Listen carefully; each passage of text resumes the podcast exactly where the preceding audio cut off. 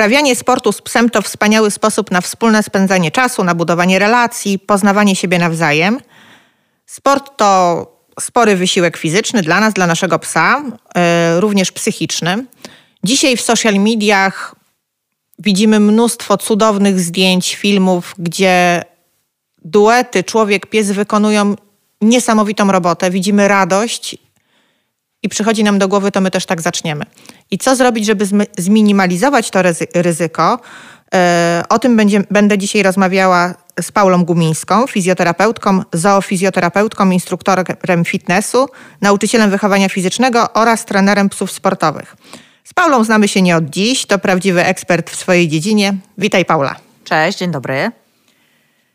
Czyli z podcastu na temat zdrowego treningu z psem wiemy sporo, jak i kiedy zaczynać aktywność, ale wydaje mi się, że wielu opiekunów psów popełnia taki błąd na początku, że chce od razu wystartować, wejść na taki wysoki poziom, przychodzi frustracja, dochodzimy do wniosku, że to chyba nie dla nas, albo nasz pies się do tego nie nadaje i te psy, które obserwujemy właśnie na tych zdjęciach są wyjątkowo inteligentne, predysponowane i no dobra, to nie dla nas. Co zrobić, żeby zminimalizować to ryzyko? E, ja bym e, poszła tutaj w stronę uniwersalnych podstaw e, i trochę dzisiaj będziemy nawiązywać do tych rzeczy, których nie widać później w trakcie zawodów, nie widać w trakcie tych takich wspaniałych występów przy publiczności. I takie osoby, które dopiero zaczynają, tak jak sama powiedziałaś, myślą głównie już o tych zachowaniach sportowych, o tych występach na zawodach. W przypadku sportów, którymi ja się zajmuję, czyli w przypadku frisbee i agility, myślą o łapaniu frisbee frisbee, o figurach e, freestyle'owych, myślą o przeszkodach, pokonywaniu toru już na agility, żeby pies nie zrzucał e, tyczek, żeby pięknie wchodził w slalom. Natomiast za tym wszystkim e, stoją tak naprawdę miesiące pracy nad tym, żeby pies w ogóle był w stanie udźwignąć taki trening i żeby czuł się w tym treningu komfortowo. No i żebyśmy my się czuli komfortowo z tym psem. Wiesz, Paula, ja myślę, że my na początku też czasem myślimy o bieganiu nawet razem z psem i po kilku takich występach pod tytułem idziemy pobiegać, coś nam nie wychodzi, myślimy, okej, okay, dobra, ten mój pies się nie nadaje do tego, żeby ze mną biegał. No tak jest i też yy, w przypadku ludzkiego sportu mamy ten sam objaw, czyli jeśli coś jest już na bardzo wysokim poziomie, to to wygląda na łatwe. Czyli jak my sobie oglądamy te występy na wysokim poziomie, to myślimy, że to nie jest zbyt skomplikowane. E, a to jest bardzo skomplikowane i ja zawsze zachęcam do tego, żeby próbować, tylko próbować jakby z dobrej strony, czyli właśnie zacząć od tych uniwersalnych podstaw. Dla mnie te uniwersalne podstawy to jest coś takiego, co da nam później bardzo duży komfort w treningu i te podstawy uniwersalne są tak naprawdę odpowiednie do każdej dyscypliny, czyli e, z każdym psem możemy sobie zacząć od y, tych rzeczy do odhaczenia, o których dzisiaj będziemy mówić, a później, y, jeśli nasz pies już dorośnie, rośnie, jeśli poczujemy się w tym treningu komfortowo, no to możemy sobie to ukierunkować na wybraną dyscyplinę sportu. Czyli co, drodzy słuchacze, bierzemy teraz kartki, coś tak do jest. pisania i zapisujemy te magiczne podstawy, które mają nam pozwolić wejść na te poziomy wymarzone. Tak jest. I dla mnie taką podstawą do treningu sportowego to jest pies, który lubi z nami pracować, czyli lubi sam proces treningu. E, pies, którego możemy nagradzać w różny sposób. E, możemy go odpiąć ze smyczy bez obaw, oczywiście w kontrolowanych warunkach. I taki pies, który też potrafi wyciągać wnioski, czyli jakby zdaje sobie sprawę, że jest w procesie nauki i że trzeba sobie na coś zapracować.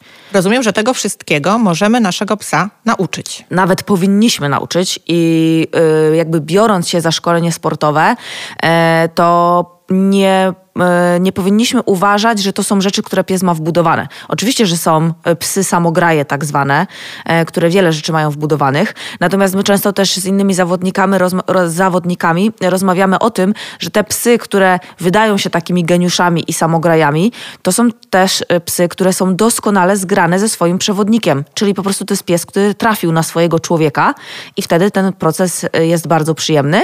Natomiast no, jeśli zaczynamy tą przygodę, to tak jak jak powiedziałaś, y, ja przygotowałam taką checklistę do y, odhaczenia odnośnie tego, y, co powinniśmy sobie dać jako taki punkt wyjściowy do tego, żeby później móc trenować z psem różne aktywności sportowe. Czyli jeśli nie zrobimy tych podstaw, nie przejdziemy przez te podstawy, to będzie nam po prostu trudno i tak. jest większe prawdopodobieństwo, że dojdziemy do wniosku nieuprawnionego, że nie nadajemy się do tego. Tak, będzie nam trudno i bardzo często jest y, tak, że na tym początkowym etapie jeszcze gdzieś tam ten brak podstaw y, przejdzie, y, zakryjemy go różnymi innymi aspektami treningowymi, natomiast w ostatecznym rozrachunku i tak będziemy musieli do tego wrócić.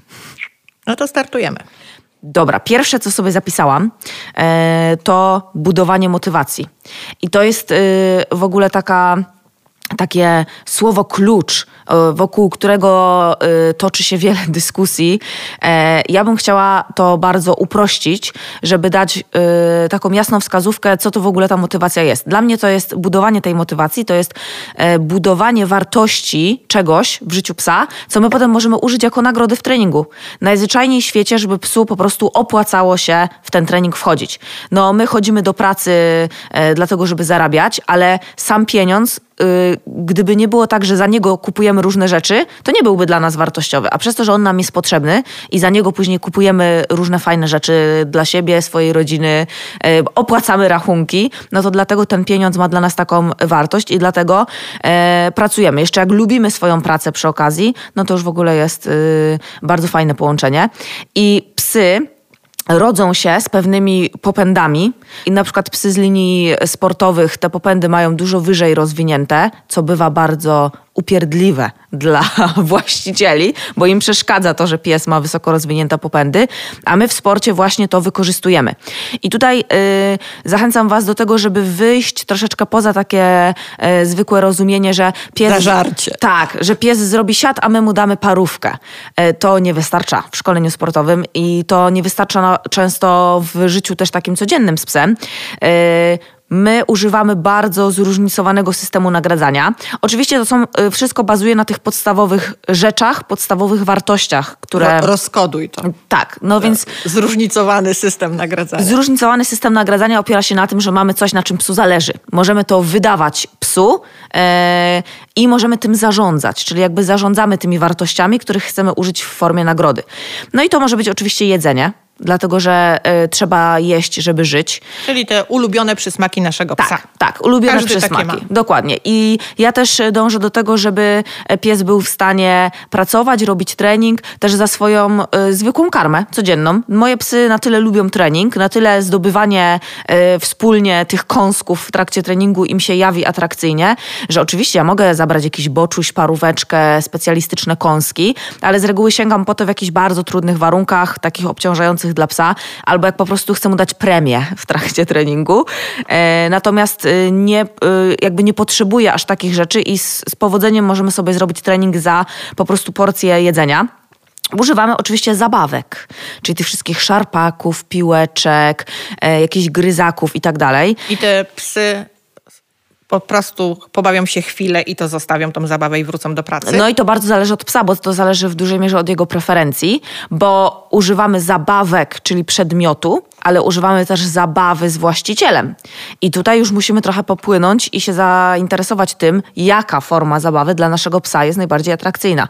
I tutaj... Jest niebezpieczeństwo, że ta zabawa może się okazać fajniejsza od tego treningu? Yy, ja nawet lubię, jak ta zabawa jest bardzo atrakcyjna, bo jeśli wtedy ona następuje na przykład na koniec treningu, to tak naprawdę drogą skojarzeń psu zaczyna się podobać sam trening i samo wykonywanie poleceń, bo ona, jakby ten trening zmierza do tego, że się wspólnie z człowiekiem pobawimy. Tak naprawdę frisbee to jest nic innego jak zabawa kawałkiem plastiku. No upraszczając to, to nie jest nic innego jak łapanie kawałka plastiku, ale mamy regulaminy, jeździmy na zawody, pieski się cieszą jak widzą frisbee i one się z tym nie rodzą. To jest jakby w dużej mierze e, nasza praca, żeby tak im się to dobrze kojarzyło. E, I co jeszcze sobie tutaj zapisałam, to jest to, że nagrodą może być również y, socjal, tak zwany, czyli jakby interakcja z człowiekiem. E, I nagrodą mogą być różne wartości z życia codziennego, bo przy psach, które są bardzo samodzielne, e, również używamy tak zwanej nagrody środowiskowej, czyli y, jakby pies dostaje dostęp do czegoś, na czym mu bardzo zależy, w nagrodę za dobrze odrobioną pracę podczas treningu. Czyli może dostać dostęp do na przykład wąchania psy, które mają bardzo wysoki priorytet y, eksploracji, bardzo często jest tak, że e, żeby nauczyć je pracy w różnych trudnych, obcych miejscach, a potrzebujemy to, żeby jeździć na treningi mhm. i na mhm. zawody, to my im tego nie odbieramy na całe życie. Czyli nie mówimy im, nie, nie możesz wąchać trawy, nie, nie możesz obsikiwać krzaczków. Mówimy im, będziesz to wszystko mógł robić wtedy, jak my sobie zrobimy jakiś krótki trening. I to jest jeszcze jakby taka wartość dodana. E, oczywiście nie wszystko pies w życiu musi dostawać za coś, bo taka swoboda i możliwość eksploracji, e, spacery to jest po prostu e, nasz obowiązek, żeby dawać to psu.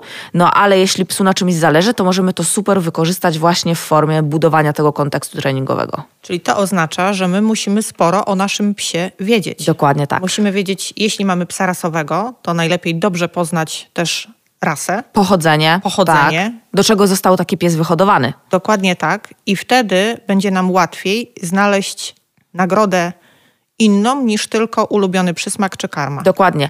I też y, bardzo często na różnych forach pojawiają się jakieś tam y, y wpisy pod tytułem y, wypróbowałem wszystkiego, smaczki nie działają. Ja y, z moimi psami o, przez około pierwszy rok ich życia buduje wartość nagrody pokarmowej, nagrody spożywczej, motywacji na jedzenie. Czyli nawet jak mój pies lubi jeść, a musi lubić jeść, skoro żyje i jest wśród nas, e, to i tak zwiększam wartość tego i wkładam bardzo, bardzo dużo energii w to, żeby się zastanowić, w jaki sposób psu to jedzenie wydać, żeby było dla niego atrakcyjne.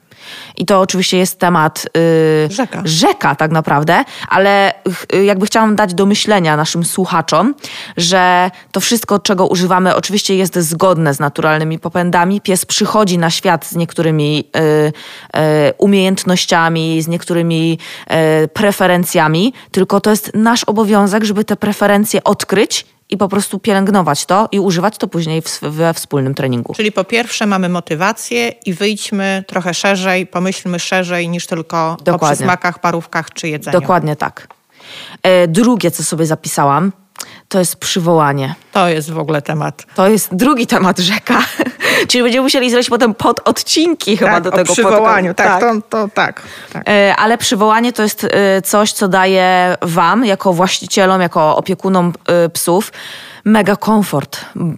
Dużo aktywności sportowych, które teraz są bardzo popularne, czyli na przykład właśnie frisbee i agility, to są takie aktywności, których nie da się trenować na lince. Nie da się tego robić na smyczy. Czyli jakby już z góry wiemy, że jeśli chcemy coś takiego ćwiczyć, to będziemy musieli odpiąć psa ze smyczy. A dla ludzi to odpięcie psa ze smyczy y, jest równoznaczne z utratą kontroli nad psem. Niektórym nie przeszkadza nawet, jak tracą tą kontrolę, tak, mam wrażenie nie na przeszkadza, spacerach. to prawda. Y, natomiast to, jeśli jesteście w stanie przywołać psa mm, do siebie, no to daje nam ogromny komfort w treningu. Y, I ja też to przywołanie rozbijam na różne czynniki pierwsze, bo na przykład dla mnie w e, przywołaniu, w tym haśle przywołanie zawiera się i chęć przebywania blisko człowieka, którą też pielęgnuję, chęć podążania za człowiekiem, co też pielęgnuję, wzmacniam i jakby um, odrabiam jako zadanie domowe w trakcie treningu. Jest to oczywiście reakcja na imię czy na hasło, którym chcemy psa przywoływać. Jest to skupienie na zadaniu, bo dla mnie jakby przywołanie w dużej mierze trwa do momentu, aż e, pies nie dostanie z powrotem sygnału, że może sobie eksplorować środowisko. E, jest to też radzenie sobie z bodźcami, e, z którymi się spotykamy na spacerach czy w treningach, czyli przywołanie obejmuje od razu pracę w rozproszeniu. No bo docelowo chcielibyśmy psa odwołać też od różnych rzeczy, które go gdzieś tam w świecie interesują. No i e, tak jak powiedziałam, ze względów bezpieczeństwa i ze względów logistycznych niektórych sportów nie da się trenować na smyczy i na lince, więc e, pielęgnowanie tego przywołania, praca nad tym e, i budowanie tych wszystkich składowych, o których powiedziałam, będą niezbędne, żeby móc e, przejść do profesjonalnych treningów i do zawodów. Nie jest trochę tak, że bez tej motywacji to przywołanie nam nie będzie wychodziło? No, w dużej mierze tak jest, bo jeśli nie mamy nic, co psa interesuje. E, nie wypracowaliśmy tej motywacji? Tak, tak. I na dodatek pies na przykład przy nas nie czuje się komfortowo e, z różnych względów, no to przywołanie nie istnieje. bo wtedy przywołanie staje się przymusem, a nie możliwością do wyboru. Czyli jeśli wołamy psa, to najwspanialsze przywołanie jest takie, kiedy pies zawraca w pół kroku i uważa, że właśnie spotkała go najwspanialsza rzecz na świecie, bo może biec do swojej panci, a nie dyrda spokojnym krokiem z taką miną nie, znowu muszę do niej wrócić. No więc przywołanie, jest przywołanie jest nierówne. Dokładnie, jest co robić. Jakieś złote rady? E, tak naprawdę złotą radę już powiedziałaś wcześniej, czyli trzeba poznać swojego psa, zastanowić się, co lubi e, i zastanowić się, co dla naszego psa jest trudne, bo w nauce takiego bezwarunkowego przywołania, w nauce mm, tych wszystkich aspektów, które są przy przywołaniu ważne, jest mega istotne to, żeby bardzo stopniowo podnosić kryteria. Czyli nie możemy iść od razu do parku, puścić psa w grupę 10 psów i liczyć na to, że wybierze nas to nie na tym polega nauka przywołania. Więc będziemy musieli bardzo y, umiejętnie stosować nagradzanie i bardzo umiejętnie dobierać trudność treningu, żeby po prostu to przywołanie kończyło się sukcesem. Czyli to może być dość, oprócz tego, że ważny element, to jeszcze y, długa praca. Tak, bardzo długa praca i to na pewno jest liczone w miesiącach, a nie w tygodniach. Taka Czyli tak, kompleksowa tak, nauka rok przywołania. pracujesz nad motywacją, kilka miesięcy, bo podejrzewam, że to jest równolegle, że nie. Jest bardzo równolegle i tak naprawdę to, co powiedziałaś, jeśli mamy dobrą motywację yy, i pies nas lubi i chce z nami współpracować, to w dużej mierze mamy yy, większość roboty do przywołania zrobione. zrobione. No. Dobrze, czyli mamy teraz punkt drugi, przywołanie. Tak, punkt teraz trzeci. trzeci. Wspólna zabawa. E, I tutaj. E, no, każdy się bawi z psem. Każdy się bawi z psem. I tu nie chodzi o to, że puszczamy e, fafika z sąsiednim fafikiem i oni Niech się, się wspaniale, tak, wspaniale bawią. Znaczy, oczywiście, jeśli pies ma kumpli, z którymi ma fajne interakcje i to jest dla niego komfortowe, to jak najbardziej. Takie kontakty socjalne dla, u niektórych psów też są bardzo wysoko w hierarchii potrzeb. Natomiast bardziej mi chodzi tutaj o to, żeby znowu nie zamykać się na to, że my kupimy psu super piłkę, i on będzie za tą piłkę pracował. Psa nie obchodzi, ile wydaliśmy na piłkę, e, nie obchodzi go, jakiego koloru jest ta piłka. Oczywiście mają psy swoje ulubione zabawki, natomiast w dużej mierze te ulubione zabawki to jest i tak to, co mu się kojarzy z czymś. Z tą zabawką. Z tą, z tą jakiś kontekst, kiedy ta zabawka się pojawiała w jego życiu, z jakimi emocjami mu się ta zabawka kojarzy. Więc znowu praca do odrobienia, domowa, to zastanowienie się, jaki e, format, jaki, e, jakie reguły w zabawie lubi nasz pies pies, jaki rodzaj zabawy e, i wdrażanie to w zabawę z nami. Bardzo popularne stają się wszystkie szarpaki e, i to jest super, bo zabawa w przeciąganie e, z psem, w to, że pies na dodatek może wygrywać ten szarpak jest super. Tylko, że jeśli mamy psa, który uwielbia biegać, a my pokazujemy mu szarpanie jako zabawę, gdzie przewodnik porusza nadgarstkiem i z jego ręki porusza się jakiś nudny szarpak, no to nie jest dla takich psów atrakcyjne. Jeśli one lubią biegać, biegać i lubią być w ruchu, to my musimy im tak sprzedać ten szarpak, żeby on im się też kojarzył z tym ruchem i z tą zabawą. I tutaj y, właśnie predyspozycje rasowe, predyspozycje osobnicze. Musimy poobserwować, co lubi nasz pies i starać się taki rodzaj zabawy mu zaoferować, żeby on y, chętnie w tą zabawę z nami wchodził. To poznanie i obserwacja psa jest kluczowa. Tak, tak. Ja uważam, że nie da się e, dobrze trenować ze swoim psem, nie znając go.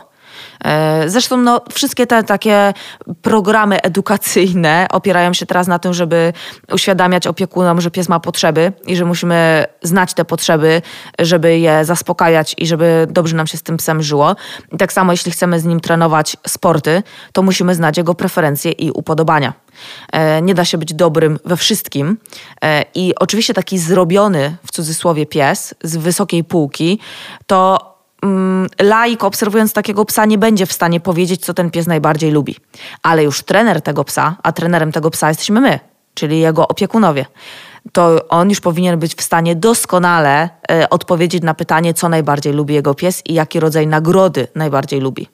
To trochę się ciągle kręcimy koło tej motywacji, prawda? Oczywiście. Bo ta zabawa się z tym dość mocno tak, wiąże. Tak. I to też, y, no znowu zachęcam w takie, y, do takiego szerszego podejścia, bo nam się kojarzy tak, że jak my kupimy tą zabawkę, no to my się Damy z psem psu, bawimy. pies ją roz, rozszarpie. o, tak. Żadna zabawka Żadna się nie zabawka. nadaje. A jest y, wiele psów, które właśnie najwyżej w hierarchii wartości w zabawie mają posiadanie.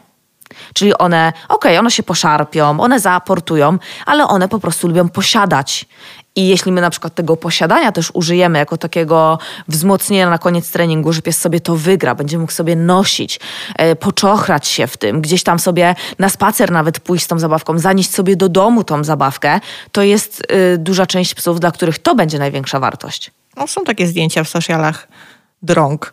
Tak, tak. No ja akurat mam, e, mam dwa pieski, które są mieszańcami terrierów typu ból i one uwielbiają posiadać. Ja się zawsze śmieję, że one wyprowadzają swoje piłeczki na spacer. Muszą, piłeczki muszą zostać wyprowadzone. Mamy wspólną zabawę, co dalej? E, Dalej mam taki punkt, który jest abstrakcyjny dosyć. I rozdziałem chyba jest. Tak, jest osobnym rozdziałem, dlatego że ja to zapisałam tak mądrze. Budowanie umiejętności wyciągania wniosków w trakcie sesji i budowa sesji treningowej. A myślisz o opiekunie, czy o... No właśnie. I teraz myślę o tym, że po pierwsze człowiek musi się nauczyć uzyskiwać zachowania u swojego psa, e, i, a pies musi się nauczyć, że trzeba na coś zapracować. Bo jeśli pies nigdy w życiu nic nie trenował, e, to może być mu bardzo trudno nagle wejść w taki schemat, że on coś musi zrobić, żeby coś osiągnąć. Psy doskonale wiedzą, że ich zachowania mają wpływ na to, jak y, wygląda życie. Wiedzą. y, Na naszą reakcję. Dokładnie, na naszą reakcję. I czasem te reakcje, czasem to jest dla nas niewygodne, bo pies na przykład wymusza coś na nas. No, ale tak naprawdę trening sportowy z psem też jest wymuszaniem, bo pies robi określone ćwiczenia, żeby dostać nagrodę. No, czyli jakby trening prowadzi do tego, że pies tak bardzo się stara, żebyśmy my dali mu to, czego on chce dostać.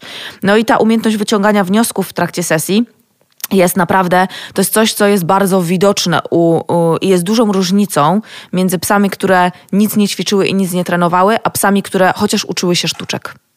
Więc wcale nie trzeba tutaj dążyć do jakichś bardzo zaawansowanych treningów sportowych, ale jeśli macie pieska i wolny czas i go w domu zaczniecie uczyć różnych rzeczy, e, uczyć go reakcji na różne wasze słowa, na gesty, uczyć go na przykład, że on może zaoferować jakieś zachowanie, ale albo może zostać naprowadzony na jakieś ćwiczenie, czyli może podążać za ręką z jedzeniem. To są takie rzeczy, które, tak jak powiedziałaś na samym początku, ich nie widać. To się wydaje oczywiste, a my robimy osobne ćwiczenia, żeby pies się nauczył, że ma wpływ na ten proces treningowy i że jego zachowanie mm, jakby przynosi jakieś rezultaty. Czyli drodzy słuchacze, żaden pies nie urodził się z tym wszystkim, co obserwujemy później na zdjęciach czy na filmach. Dokładnie tak. Miał pewne mm, Doświadczenia. doświadczenia, ale też no, powiedzmy, że niektóre są mniej lub bardziej predysponowane do tych czynności.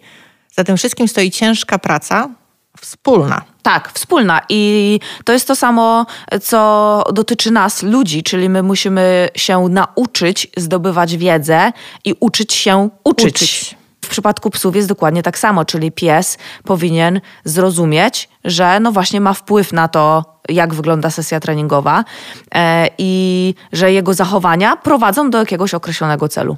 Rozumiem, że tutaj my popełniamy też sporo błędów, Tak, no bo popełniamy. jesteśmy niekonsekwentni, czyli to potem powoduje, że pies jest pogubiony. Tak. I to w ogóle jest ciekawostka, bo bardzo często y, na przykład psy, które są określane jako psy wysoce reaktywne, frustrujące się, to są bardzo mod, modne, Modne teraz pojęcia, tak?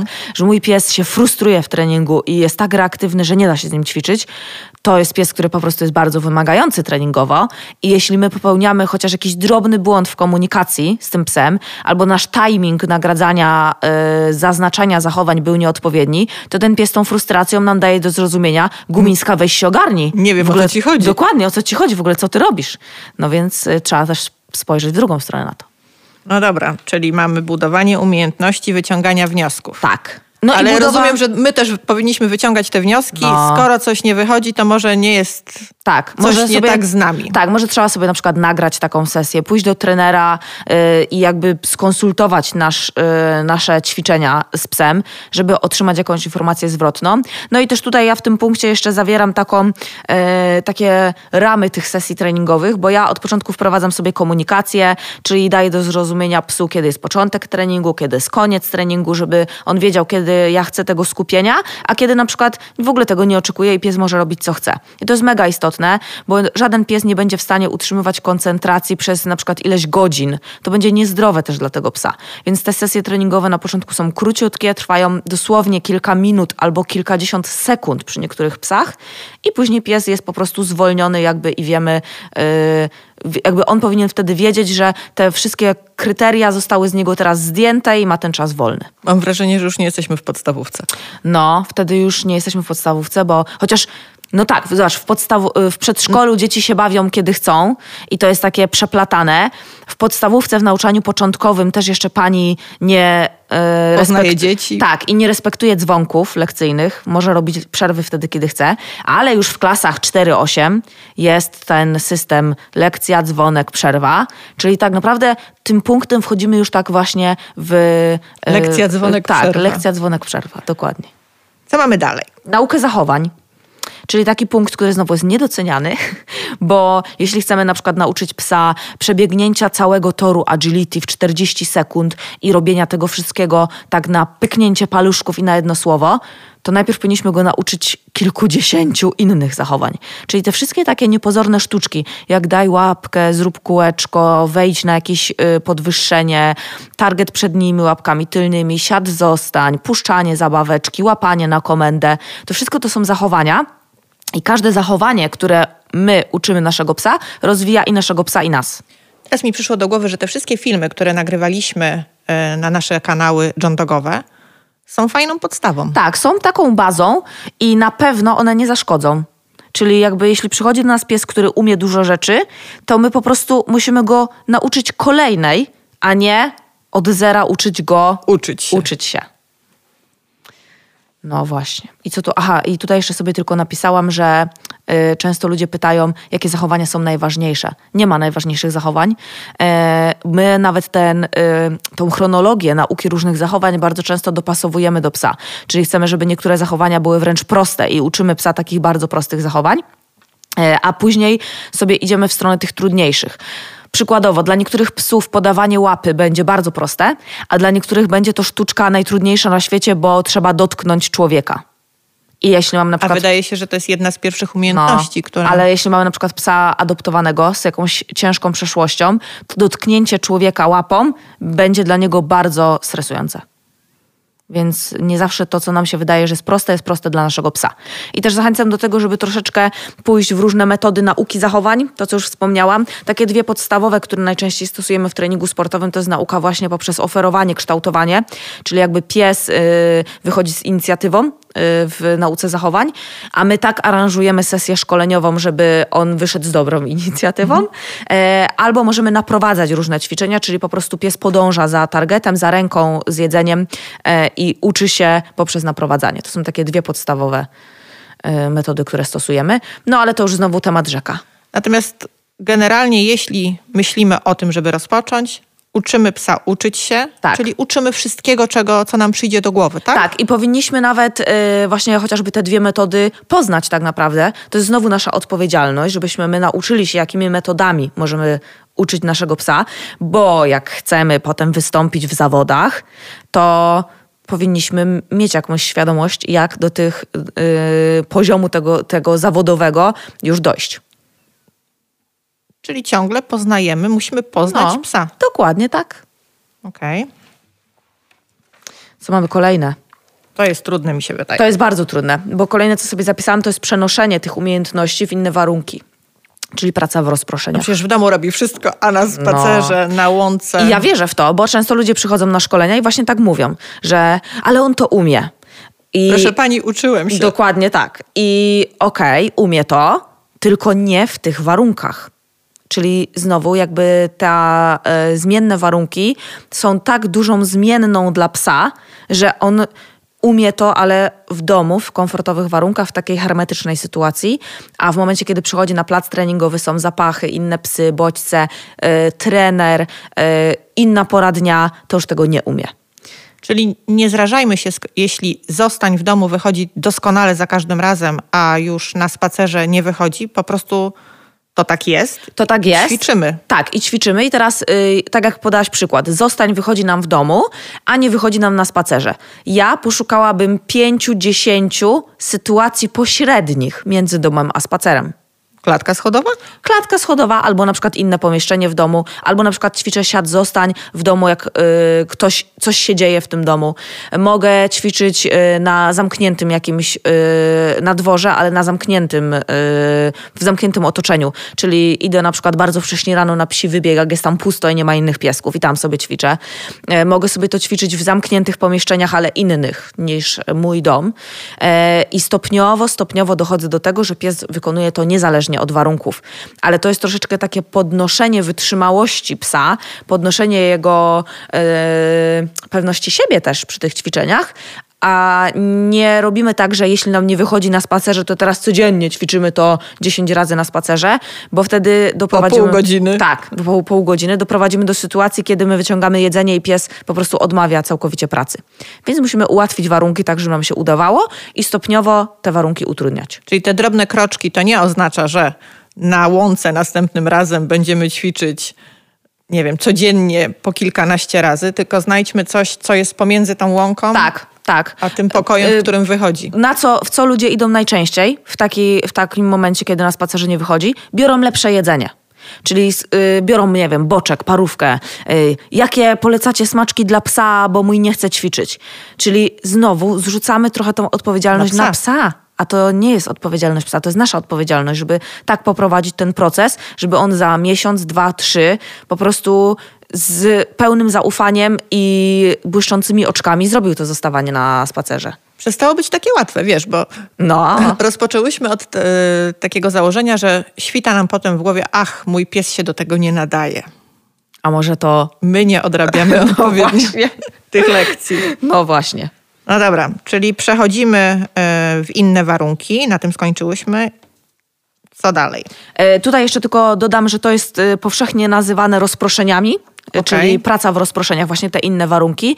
I ja zawsze na wszystkich warsztatach, lekcjach i tak dalej mówię o tym, że pamiętajcie, że dodając rozproszenia do ćwiczeń, do treningów, nie chcecie udowodnić psu, że jest głupi i że go przerasta no sytuacja. Teraz nie dasz rady. Teraz to na pewno sobie nie poradzisz. Wręcz przeciwnie, my dodając rozproszenia chcemy udowodnić psu, że jest super, genialny, na pewno sobie poradzi i że może czuć się komfortowo. Czyli tak musimy Ważna stopniowo uwaga. to podnosić, żeby taki efekt osiągnąć. No i mój ostatni punkt, najnudniejszy Yy, on jest bardzo nudny, ten punkt. Widziałam, bo, widziałam no, go wielokrotnie u ciebie. Tak, ćwiczenie Uwaga, tego... proszę Państwa. No, ćwiczenie tego punktu jest nudne i my już chcemy rzucać frisbee, biegać hopki, ćwiczyć zmiany pozycji, a mój ostatni punkt to jest umiejętność przebywania w kenelu, w klatce, w, bądź w innej formie izolacji od właściciela. I to się wydaje. Czekanie takie, na swoją kolej? No, takie to się wydaje brutalne. Yy, czyli jak kochamy swojego pimpusia, to nam się w głowie nie mieści, że ten pimpuś może posiedzieć troszeczkę sam. A później jedziemy na seminarium, yy, jedziemy na warsztaty, jedziemy na wystawę, zawody i nasz pimpuś i my jesteśmy po prostu umęczeni pobytem tam. Dlatego, jedziemy do cioci. No, do, dokładnie. Na obiad do cioci jedziemy i po prostu nie da się Pimpusia y, uspokoić, bo Pimpuś cały czas y, jest pobudzony i chce być na kolanach. Y, I to jest coś, co jest trudne y, i dla dużej części psów jest trudne, i dla dużej części opiekunów jest trudne, właśnie to izolowanie psa od siebie. Natomiast pomyślcie sobie o tym w drugą stronę. Ja zawsze mówię o tym, że jest niehumanitarne wręcz nie uczenie tego, a później wymaganie tego w takim kontekście wyjazdowym. Ja y, uczę moje psy od początku, że y, mogą sobie spokojnie, komfortowo odpoczywać właśnie w swojej klatce, y, od, odpowiednio dobranej, oczywiście odpowiedni rozmiar, to jest odpowiednio wprowadzane bardzo stopniowo, tak żeby pies po prostu to zaakceptował i czuł się tam dobrze. I później jak dużo z moimi psami wyjeżdżam, jak nawet prowadzę warsztaty, jak jesteśmy na zawodach, to nie jest tak, że mój pies na przykład 10, 8, 10 godzin pobytu na zawodach cały czas jest pobudzony, cały czas mu ktoś włazi na głowę. E, on po prostu nie potrafi się uspokoić, tylko on sobie śpi. Naprawdę. Po prostu one sobie śpią tak per analogia mi się przypomnieli sportowcy, którzy przed ważnymi występami próbują się też odizolować tak, od odciąć. wszelakich bodźców. No, dokładnie. Więc y, no to jest bardzo niedoceniane y, narzędzie, y, ale no pomyślcie sobie właśnie o tym, że później taki pies, który nie jest tego nauczony, to jest po prostu sytuacja, jeśli już wybierzecie się gdzieś z tym psem, to jest sytuacja bardzo niekomfortowa dla was, na pewno, bo pies na przykład cały czas szczeka, zostawiony w klatce, zostawiony w samochodzie, cały czas się denerwuje. Pomyślcie sobie, jak to jest w ogóle niekomfortowe dla psa, że my od niego wymagamy tych kilku godzin w takich emocjach. On jest w szoku. Przecież mamusia nigdy pimpusia nie zostawiała, a nagle siedzi 30 metrów dalej, a, a ja jestem zamknięty. To, jest, to musi być strasznie dla psa stresujące. No i jest też niekomfortowe dla innych uczestników e, tego, tych warsztatów, tego spotkania psiego, czy tak jak powiedziałaś, chociaż obiadu u cioci. Jest to bardzo niekomfortowe dla innych e, osób, które z nami przebywają, dla innych psów, bo po prostu e, to niestety często wiąże się z hałasem u tego pieska, który tak y, nie radzi sobie z tym. Wiąże się z tym, że inne psy czy ludzie, którzy są w okolicy są bardzo zdenerwowani, no bo jakby widzą emocje tego psa, więc też powinniśmy tą lekcję odrobić. Ja myślę, że ta lekcja mm, jest niedoceniana, że może inaczej, że często kojarzy nam się kennel z takimi sytuacjami, jak już sobie w domu nie radzę, bo niszczy, bo tak. to wprowadzam kennel, a nie myślimy o tym y, narzędziu jako o narzędziu, które może nam nam i naszemu psu pomóc. Tak. E, psy, e, tak jak też sama powiedziałaś, sportowcy mają tak, że lubią się odciąć od bodźców. Wiele psów też tak ma, że potrzebuje tego odcięcia, nie? Na przykład najlepiej odpoczywają w domu. E, w domu chowają się gdzieś. Wiele psów się chowa pod kanapę, pod łóżko, pod jakiś stolik. I to jest sygnał, że one same jakby sobie tak organizują przestrzeń, żeby jak najmniej bodźców do nich docierało. E, I to dotyczy i psów takich e, dosyć zamkniętych w sobie, można powiedzieć lękliwych, wycofanych, ale też w drugą stronę, takie psy, które są bardzo pobudliwe, bardzo hej do przodu, one też potrzebują tego miejsca, gdzie mogą się uspokoić.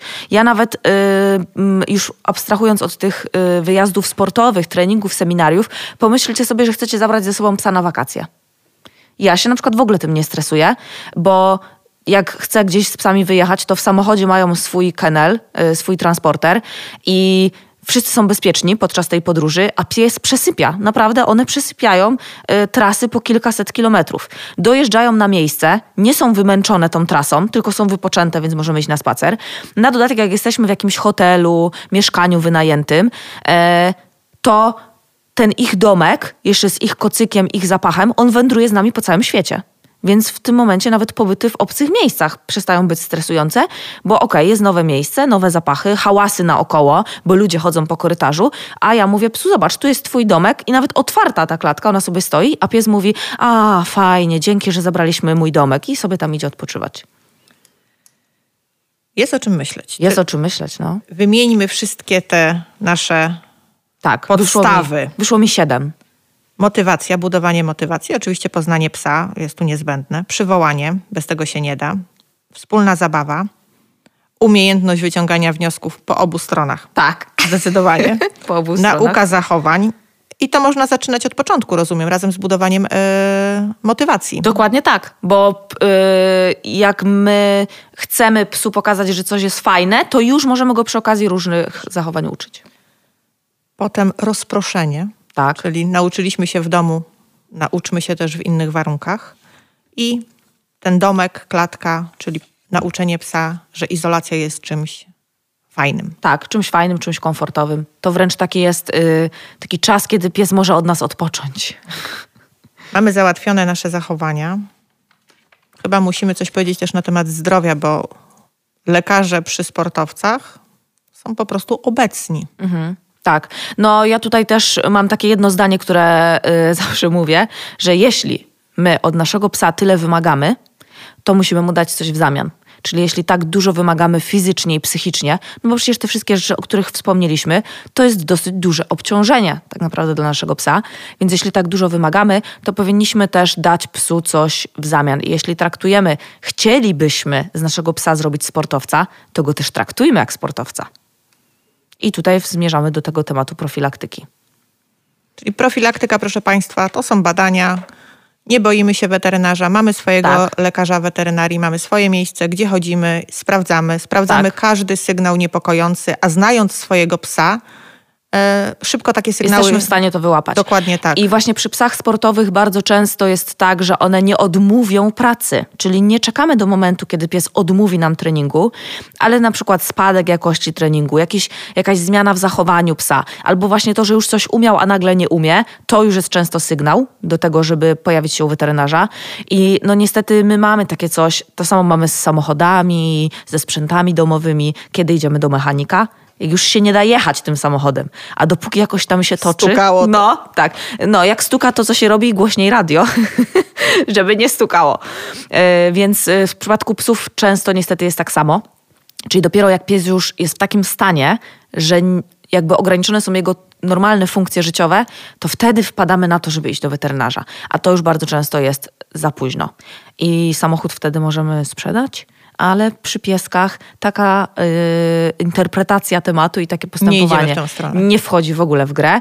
E, Więc, y, tak jak powiedziałaś, profilaktyczne wizyty u weterynarza, e, badania krwi, które tak naprawdę powinny być u każdego psa, mm, e, jakby powinny być częścią życia każdego psa, takie profilaktyczne. W przypadku psów sportowych również taka opieka ortopedyczna, czyli też taki przegląd ortopedyczny, nie tylko jak dzieje się coś złego, tylko też prewencyjnie. E, No bo właśnie wiele cho- chorób, e, które może spotkać naszego psa, jest e, tak pozornie bezobjawowych. A powiedz mi, bo często jest jak nasze dzieci rozpoczynają jakąś mm, przygodę z treningami, to musimy wcześniej udać się do lekarza sportowego i przynieść Zaświadczenie. zaświadczenie. Tak. Czy jeśli rzeczywiście myślimy o tym, żeby trochę intensywniej zacząć coś robić, udajemy się po takie e, pseudo-zaświadczenie do lekarza weterynarii, mówimy, że słuchaj, chcielibyśmy coś rozpocząć, e, robić trochę mocniej niż do tej pory, nie wiem, zobacz, czy wszystko jest ok. E, Jak najbardziej. Nawet e, zdarzają się przypadki, że niektórzy trenerzy e, wymagają takiego, e, jakby takiego badania w sensie braku przeciwwskazań. O, może tak, do aktywności fizycznej.